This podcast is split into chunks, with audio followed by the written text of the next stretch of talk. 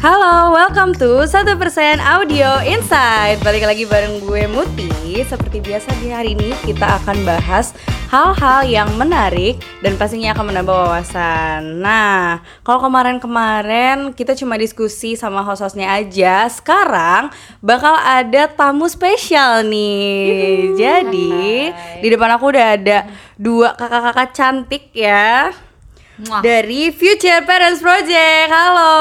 Hai, hai. Nah, sebelum mulai perkenalan dulu nih, boleh Kak namanya siapa? Terus sebagai apa di Future Parents Project? Terus kesibukannya apa nih? Oke, aku dulu kali ya. silahkan. Oke, nama aku eh, Mutiara Maharini, biasanya dipanggil Mahari. Sekarang eh, masih seorang mahasiswi psikologi Universitas Indonesia. Mantap. Sama kayak kamu ya. Iya.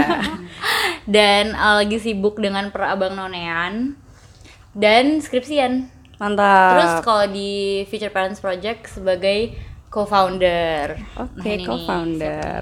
Hai, eh, gue aku apa bebas ya? Bebas, Tadi bebas. Aku ya. Aneh. Aku, aku ya. gue aneh. Eh, boleh, Apa pun boleh, ya. boleh. Eh, halo, aku Fadilia Debi, panggilannya Debi. Eh, aku baru lulus dari Fakultas Psikologi UI. Sekarang kerjaannya jadi account eksekutif di Peka Kreatif namanya. Mantap. Jadi freelance freelance gitu deh. Oke, berarti di uh, Future Parents Project sebagai Co-founder juga. co-founder juga. Lupa. Oke, jadi dari tadi udah nyebutin ya Future Parents Project. Apa sih Future Parents Project tuh? Mungkin beberapa dari teman-teman ada yang belum tahu atau mungkin ada yang udah pernah lihat, udah ada yang pernah tahu. Gimana sih Kak Future Parents Project tuh apa? Yes, uh, mungkin kalau yang belum pernah lihat bisa cek di Instagram at Future Parents Project. Eh, buka sekarang. Iya. Boleh ya sambil dengerin podcast, sambil dicek Instagramnya, sambil dibaca-baca itu bisa banget. Iya, jadi si Future Parents Project ini sebenarnya suatu gerakan sosial yang kita buat. eh, sebenarnya tujuan akhirnya adalah supaya generasi kita kita ini yang sekarang nantinya ketika jadi orang tua kita bisa jadi orang tua yang harapannya jauh lebih baik. Wih, Berkualitas lah ya. Berkualitas. Jadi mantap. Berat ya. agak berat ya dan Agak kayak masih jauh ya. banget ya kesannya ya. Iya, terus kan biasanya nih ya kalau misalnya rata-rata yang umur sekitar tuh belum kepikiran buat ngomongin masa depan, apalagi jadi orang tua gitu. Kenapa sih Kak kok tiba-tiba kepikiran untuk bikin social project tentang future Parenting. parents gitu, tentang Iya, parenting? Heeh. Itu pertanyaan yang sering kita dapatkan juga sih kayak padahal umur kita masih ya cilik-cilik kayak bahkan pasangan aja belum gitu gitu. Misal ada yang udah sih cuman kayak abis itu masih panjang gitu loh untuk punya anak kan. Jadi eh, kenapa kita perlu sebenarnya mikirin tuh awalnya berangkat dari fenomena kita sebagai mahasiswa psikologi ya. Kayak ngelihat banyak teman-teman kita yang eh, Atau apa ya mungkin kita bahasanya, sendiri atau mungkin juga. kita sendiri juga yang eh, kesejahteraan psikologisnya itu eh, terpengaruh sama penga- pola pengasuhan orang tuanya dulu lah. Oh, intinya oke. gitu. Jadi eh, ya kita nggak bisa nyalahin orang tua kita dulu juga kan. Mungkin emang ilmunya segitu yang emang mereka tahu segitu gitu. Nah tapi kan kita sekarang sudah punya akses yang lebih besar nih terhadap informasi terkait eh, ilmu-ilmu parenting juga gitu. Nah harapannya sih nanti kita bisa nih jadi eh, orang tua yang memperbaiki diri dan jadi orang tua yang lebih baik dari orang tua kita sebelumnya gitu. Jadi kayak kita tuh kalau ngelihat misalnya ada pola-pola tingkah laku yang agak-agak aneh gitu kayak dan karena mungkin kita anak psiko kita telusuri kayak kenapa ya kenapa ya? Terus kayak sering kali kita menemukan itu ternyata dari childhoodnya kayak pas dia anak-anak kayak mungkin orang tuanya misalnya kurang memberikan dia uh, kasih sayang dia butuhkan atau apa sehingga dia misalnya jadi kurang percaya diri. Dan emang bener kita nggak bisa nyalain orang tuanya karena uh, mungkin orang tuanya pun diperlakukan seperti itu oleh orang tuanya dan Terus eh, menerus terus lah ya. menerus gitu dari generasi ke generasi dan mereka emang menganggap itu yang terbaik jadi eh, emang setiap tahunnya tuh pasti orang tua tuh di sorry sorry orang tua tuh kayak disalah-salahin gitu kan kayak misalnya anaknya tiba-tiba terjerumus narkoba atau apa eh, bunuh diri yang orang tuanya gimana sih orang tua gimana sih? Tapi sebenarnya orang tuanya tuh nggak pernah diajarin gimana sih cara jadi orang tua yang baik. Nah sebenarnya tujuan kita itu untuk datang ke situ dan membantu supaya khususnya generasi kita nih nanti eh, nggak mengulangi kesalahan-kesalahan yang mungkin menurut kita itu eh, sesuatu yang harusnya bisa dicegah. Hmm, Oke, jadi eh, berarti ini tujuannya buat memperkenalkan juga ke generasi-generasi muda khususnya gimana sih eh, atau eh, apa ya gimana caranya untuk eh, Udah. mempersiapkan dan gimana caranya nanti kalau misalnya udah jadi seorang orang tua gitu ya. Betul. Oke, terus bentuk kegiatannya tuh kayak apa sih yang dilakukan sama Future Parents Project ini?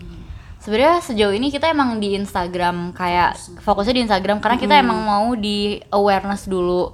Kayak kebanyakan orang itu bahkan belum sadar kalau misalnya parenting itu sesuatu yang segitunya segitunya perlu dipikirin. Dan kayak eh, dari kita yang kita harap dari kita ningkatin awareness akan hal parenting itu sesuatu yang butuh dipikirin eh, dampaknya sangat panjang itu baru setelah itu bisa mulai belajar bareng-bareng kan. Cuman emang sekarang kita masih eh, fokusnya di Instagram kita ngepost ngepost konten yang rada-rada kayak triggering lah gitu buat reflektif gitu ke diri sendiri supaya kita jadi eh, keinget-inget lagi mungkin dulu masa kecil kita kayak apa dan apa yang mau kita ubah kalau nantinya kita jadi orang tua.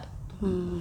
Oke, iya tadi juga aku baru lihat Instagramnya nih, terus ada quotes quotesnya, Betul. terus ada juga dari pandangan orang-orang terhadap apa sih yang mereka akan lakukan kalau misalnya mereka jadi orang, Orang tua. tua. Nah ini sebenarnya agak pribadi sih. Kalau misalnya dari kakak sendiri, nih definisi orang tua yang baik atau orang tua yang diharapkan tuh seperti apa sih? Ini Gitu. sulit. Menarik nih, menarik. menarik sih Coba, udah ada.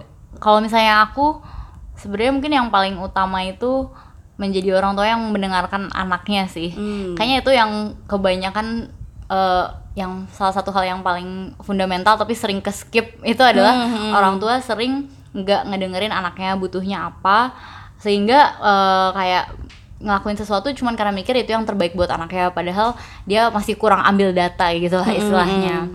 jadi itu sih yang paling penting karena menurut aku dari uh, step pertama mendengarkan anak itu pasti berikut berikutnya bisa jadi lebih suportif. Mm-mm. Kalau Kak Devi? Benar-benar kayak mendengarkan anak tuh terlihat mudah gitu, ya, tapi sebenarnya sulit ya. sebagai anak psiko yang belajar active listening aja nggak sih Betul. Heeh, Kalau dari aku tuh aku pengen jadi orang tua yang eh, bisa membuat anak aku nyaman sih. Sebenarnya intinya kurang lebih eh, mungkin di kalau Mahar lebih konkret eh, mendengarkan. Kalau aku intinya nyaman. Jadi gimana nanti bisa mem- membuat diri aku sama anakku nanti tuh misal ada ya gitu kayak saling respect sih saling respect kayak dia individu sendiri aku individu sendiri tapi eh, sama-sama eh, bisa hubungannya terbuka hubungannya nyaman intinya eh, apa ya kalau aku sekarang ngeliat mungkin antara ibu dan anak atau ayah dan anak kadang suka ya biasalah kayak tertutup atau enggak eh, apa ngebandel ngebandel gitu. Misalnya itu wajar cuman aku pengen misalnya anakku kayak percaya sama aku untuk cerita lah sese- sesederhana itu. Dan terkadang tuh kadang dari kita lihat juga kalau ditanya what kind of parent do you wanna be? itu banyak yang jawabnya malah ke kadang ya malah ke arah eh, pengen a- nanemin anak gue jadi anak gu- anak yang apa berprestasi atau enggak pengen nanemin nilai-nilai agama nilai-nilai ini. Padahal maksud kita bukan ke arah sana ya. Eh, nanemin tentu iya eh, suatu hal. Cuman kan kayak kita pengen lihat ke diri kita sendiri emang kita udah ngapain sih gitu pengen jadi sosok yang ibu yang seperti apa bapak yang seperti apa. Itu sih yang sebenarnya kita pengen tekenin. Waduh. Tekenin. Tekenin. gitu. In- intinya tuh kayak kalau punya anak tuh bu- kita tuh punya anak untuk membesarkan gimana ya kayak untuk mengembangkan seseorang bukan untuk kayak "Eh, gue pengen ntar lo jadi orang berprestasi ini ini ini terus kayak mendorong dia ke situ padahal belum tentu dia mau kan. Itu sih yang itu yang menurut aku kayak masih suka skip dan sebenarnya menurut ya kenapa aku bilang mendengarkan ya itu karena dengan kita mendengarkan kita jadi tahu oh ternyata dia nggak pengen berprestasi. Mungkin dia pengennya eh, hal lain prestasinya gitu. lain gitu iya Berarti bukan ke arah menuntut, tapi ke ngelihat dia butuhnya apa, terus menyediakan dan mendengarkan gitu support. ya, mensupport. gitu. bukan nggak mendiktate dia harus jadi apa gitu sih. Oke. Tadi sempat kepikiran juga karena eh, dengar kita udah melakukan apa sih sebagai orang tua gitu kan. Ya, itu masuk insight banget sih karena kayak kadang banyak dari orang tua yang nggak mikirin juga gitu eh, sebenarnya apa sih peran mereka ke anaknya gitu? Kayak apakah dia cuman boleh untuk nuntut anaknya harus gini ini ini ini tapi kayak apa yang udah dia lakukan untuk anaknya gitu ya? Nah terus tadi kan eh, udah nanya-nanya orang juga ke teman-teman yang seumuran tentang pandangan mereka orang tua yang ideal tuh seperti apa gitu. Kalau misalnya dari kakak sendiri ngelihatnya di Indonesia tuh fenomenanya seperti apa sih orang tua terhadap anak? Hmm. Kalau yang kita lihat eh, mungkin emang pasti ada perbedaan lah ya budaya antara eh, barat sama timur. Ya kalau ada istilah barat dan timur cuman ya di Asia misalnya beda eh, orang tuanya. Kalau yang kita lihat emang kebanyakan orang tua di Asia tuh yang emang menuntut ya jatuhnya ya ngelihatnya ah, menuntut kayak ya mungkin ada negara-negara lain yang lebih menuntut dibandingkan kita cuman karena kita negara kolektivis juga kan jadi segala apa pun tuh keluarga gitu kayak dari kita lahir sampai nanti tuh masih diurus keluarga gitu masih hubungannya kuat gitu sama keluarga. Itu sih yang kita lihat dan itu bukan hal salah ya sebenarnya. Selama eh, hubungannya nyaman-nyaman aja nggak nggak mengekang individu lah intinya gitu. Hubungan dia baik sama keluarga ya nggak masalah itu sih yang kita lihat. Kayak di Indonesia tuh keluarga besar tuh segitunya banget Iya. sih. Kayak lo mau nikah sama siapa itu diomonginnya sekeluarga, Sekeluarga besar. besar. dan kayak eh, somehow jadi ada kayak keluarga besar merasa berhak untuk Mengatur. ikut serta menge- mengatur gitu. Kita tuh harus kayak gimana. Cuman eh, itu kan kayak salah satu mungkin sisi yang kurang enaknya. Tapi sisi positifnya tuh support sistemnya tuh jalan banget kan dengan adanya keluarga besar kayak gitu. Cuman itu hal yang menarik dari Indonesia. Karena ya banyak maksud kita kan ada lebaran ada ada apa silaturahmi tuh kayak on Kental terus lah. on terus. Cuman eh, mak- makanya kalau misalnya kita udah bisa jadi kayak future parents project ini berjalan kita harapannya kayak eh, support sistemnya dapet tapi juga nggak berusaha mengatur-atur ha- eh, sesu- sesuatu yang merupakan kebebasan dari orang itu sendiri Hmm, Oke. Nah, eh, terus lagi nih, kan ini bentuknya social project ya. Kenapa sih kepikiran untuk eh, nyebarin tentang Future Parents Project ini tuh dari eh, sosial media melalui social project itu? Kenapa nggak kayak eh, offline gitu. ya offline gitu, kayak penyuluhan offline yang mungkin di- yang udah banyak gitu? Kenapa sih milihnya social project? terlalu kalau offline. Belum. Eh social project atau online? Eh, social project, terus kenapa lewat eh, platformnya online? oh oke oke. Sebenarnya kalau ditanya kenapa orang bikin social project gue rasa jawabannya pasti hampir keresahan pribadi Iya, keresahan pasti pribadi. semua social project awalnya itu sih. dan ada yang ingin diubah. Karena kayak eh, di awal kan mungkin kayak nggak digaji nggak apa nggak apa tapi kayak apa yang menggerakkan lo ya udah emang Motivasi. cuma keresahan pribadi terus kalau kenapa online eh, pertama-tama itu sangat-sangat lebih efisien Betul. dan sejauh ini kayaknya juga lebih efektif sih karena em, itu maksudnya dengan kita ngepost satu detik aja Iya. tapi yang bisa ngeliat tuh Banyak. banyak, Banyak. banget orang di mana aja dan jam berapa aja itu udah memudahkan banget sih. Dan itu salah satu hal yang kita syukuri banget privilege bikin social project di zaman sekarang. Iya, dan maksudnya eh, orang dengan baca post kita pun juga berimpact melalui baca post kita aja tuh bisa gitu kan walaupun online.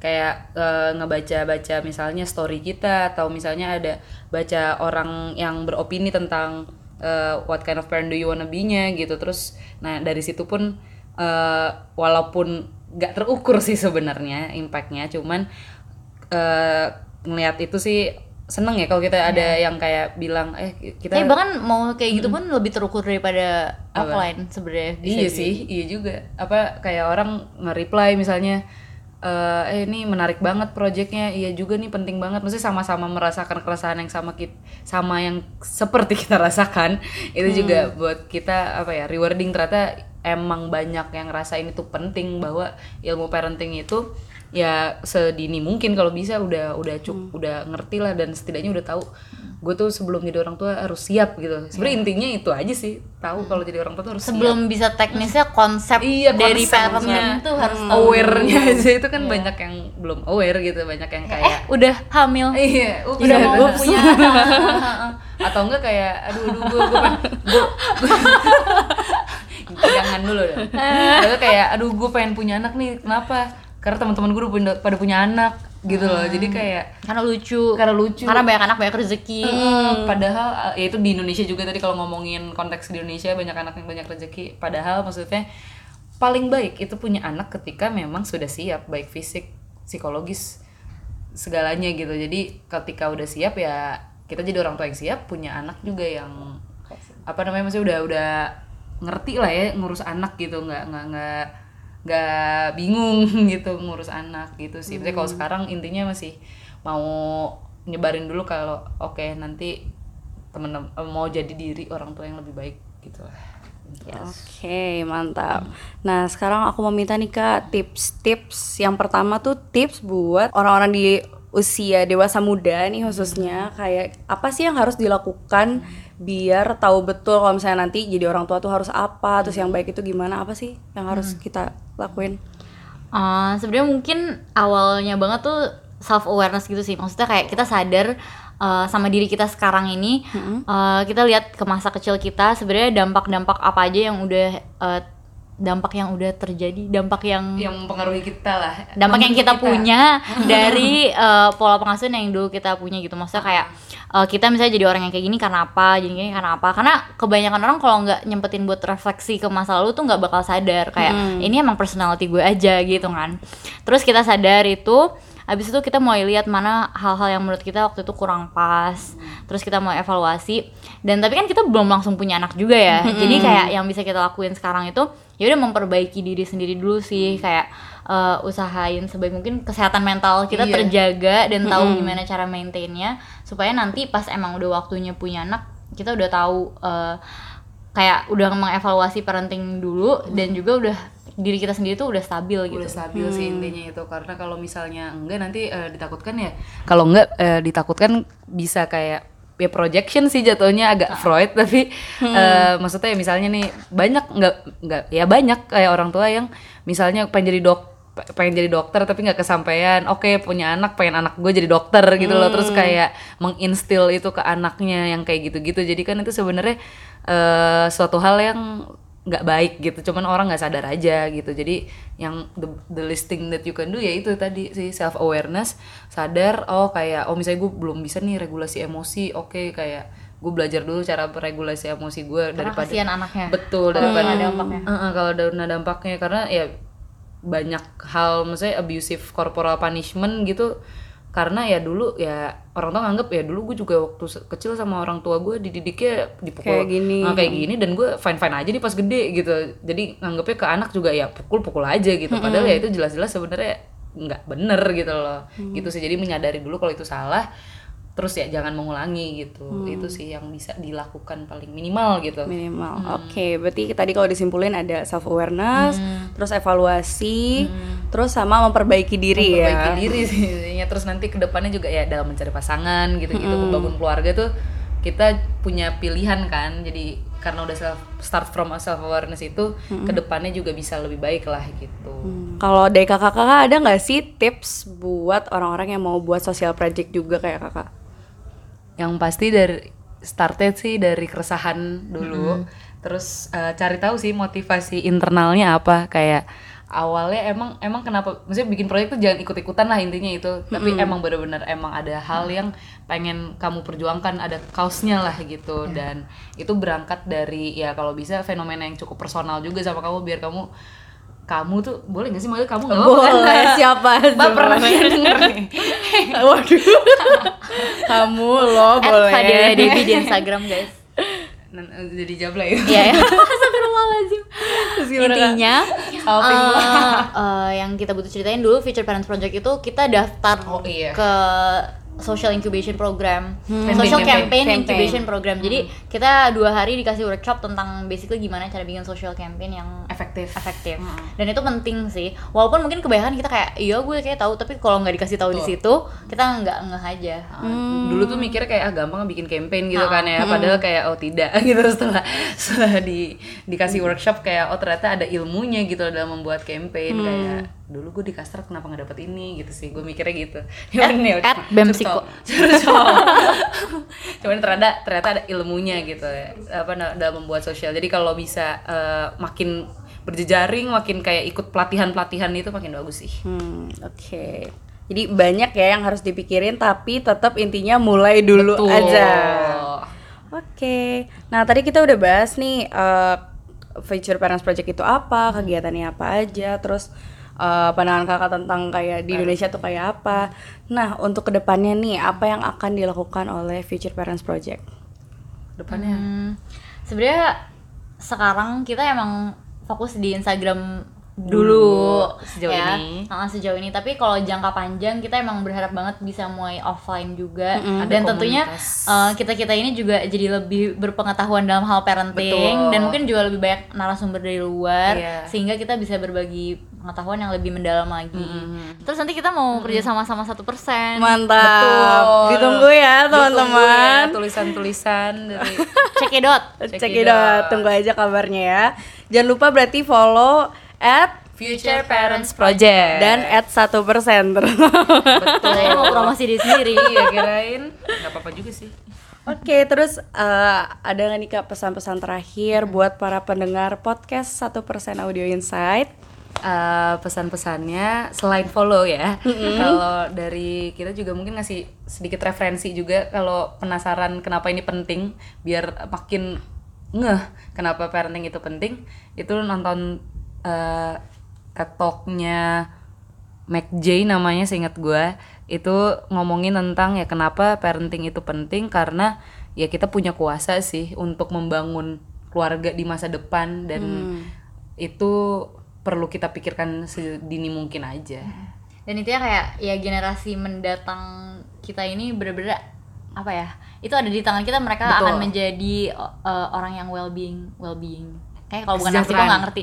Kesejahteraannya Kesejahteraan. baik atau enggak dan bagaimana mereka akan hidup di dunia ini itu tergantung sama kita kita ini. Kalau kita belajar parenting dengan baik insya Allah mereka pun Menjadi output yang, lebih baik, amin. Amin. Wah, saya ada di lo yang lagi dengerin ini sekarang. Iya, dengerin ya teman-teman ya, dengerin dan dicamkan. Betul. Tekankan kan, tadi ya. ya tadi kalau gue bilang tuh volumenya langsung jebret. gitu. Oke, makasih banyak Kak Debbie dan Kak Mari atas waktunya udah mau ngobrol-ngobrol di sini. Semoga nggak kapok ya. Dan ditunggu juga kerjasama sama satu persennya nanti. Yeay. Yeay, oke teman-teman, jangan lupa buat dengerin juga podcast-podcast dari satu persen di minggu-minggu selanjutnya. Jangan lupa buat follow juga dan dengerin kita di uh, Spotify Podcast, di Google Podcast, dan juga di YouTube. Jangan lupa di subscribe juga karena akan banyak video-video yang diupload setiap harinya. Gitu, oke. Kalau gitu aku Muti pamit undur diri. See you. Dadah. Dadah. Ikutan.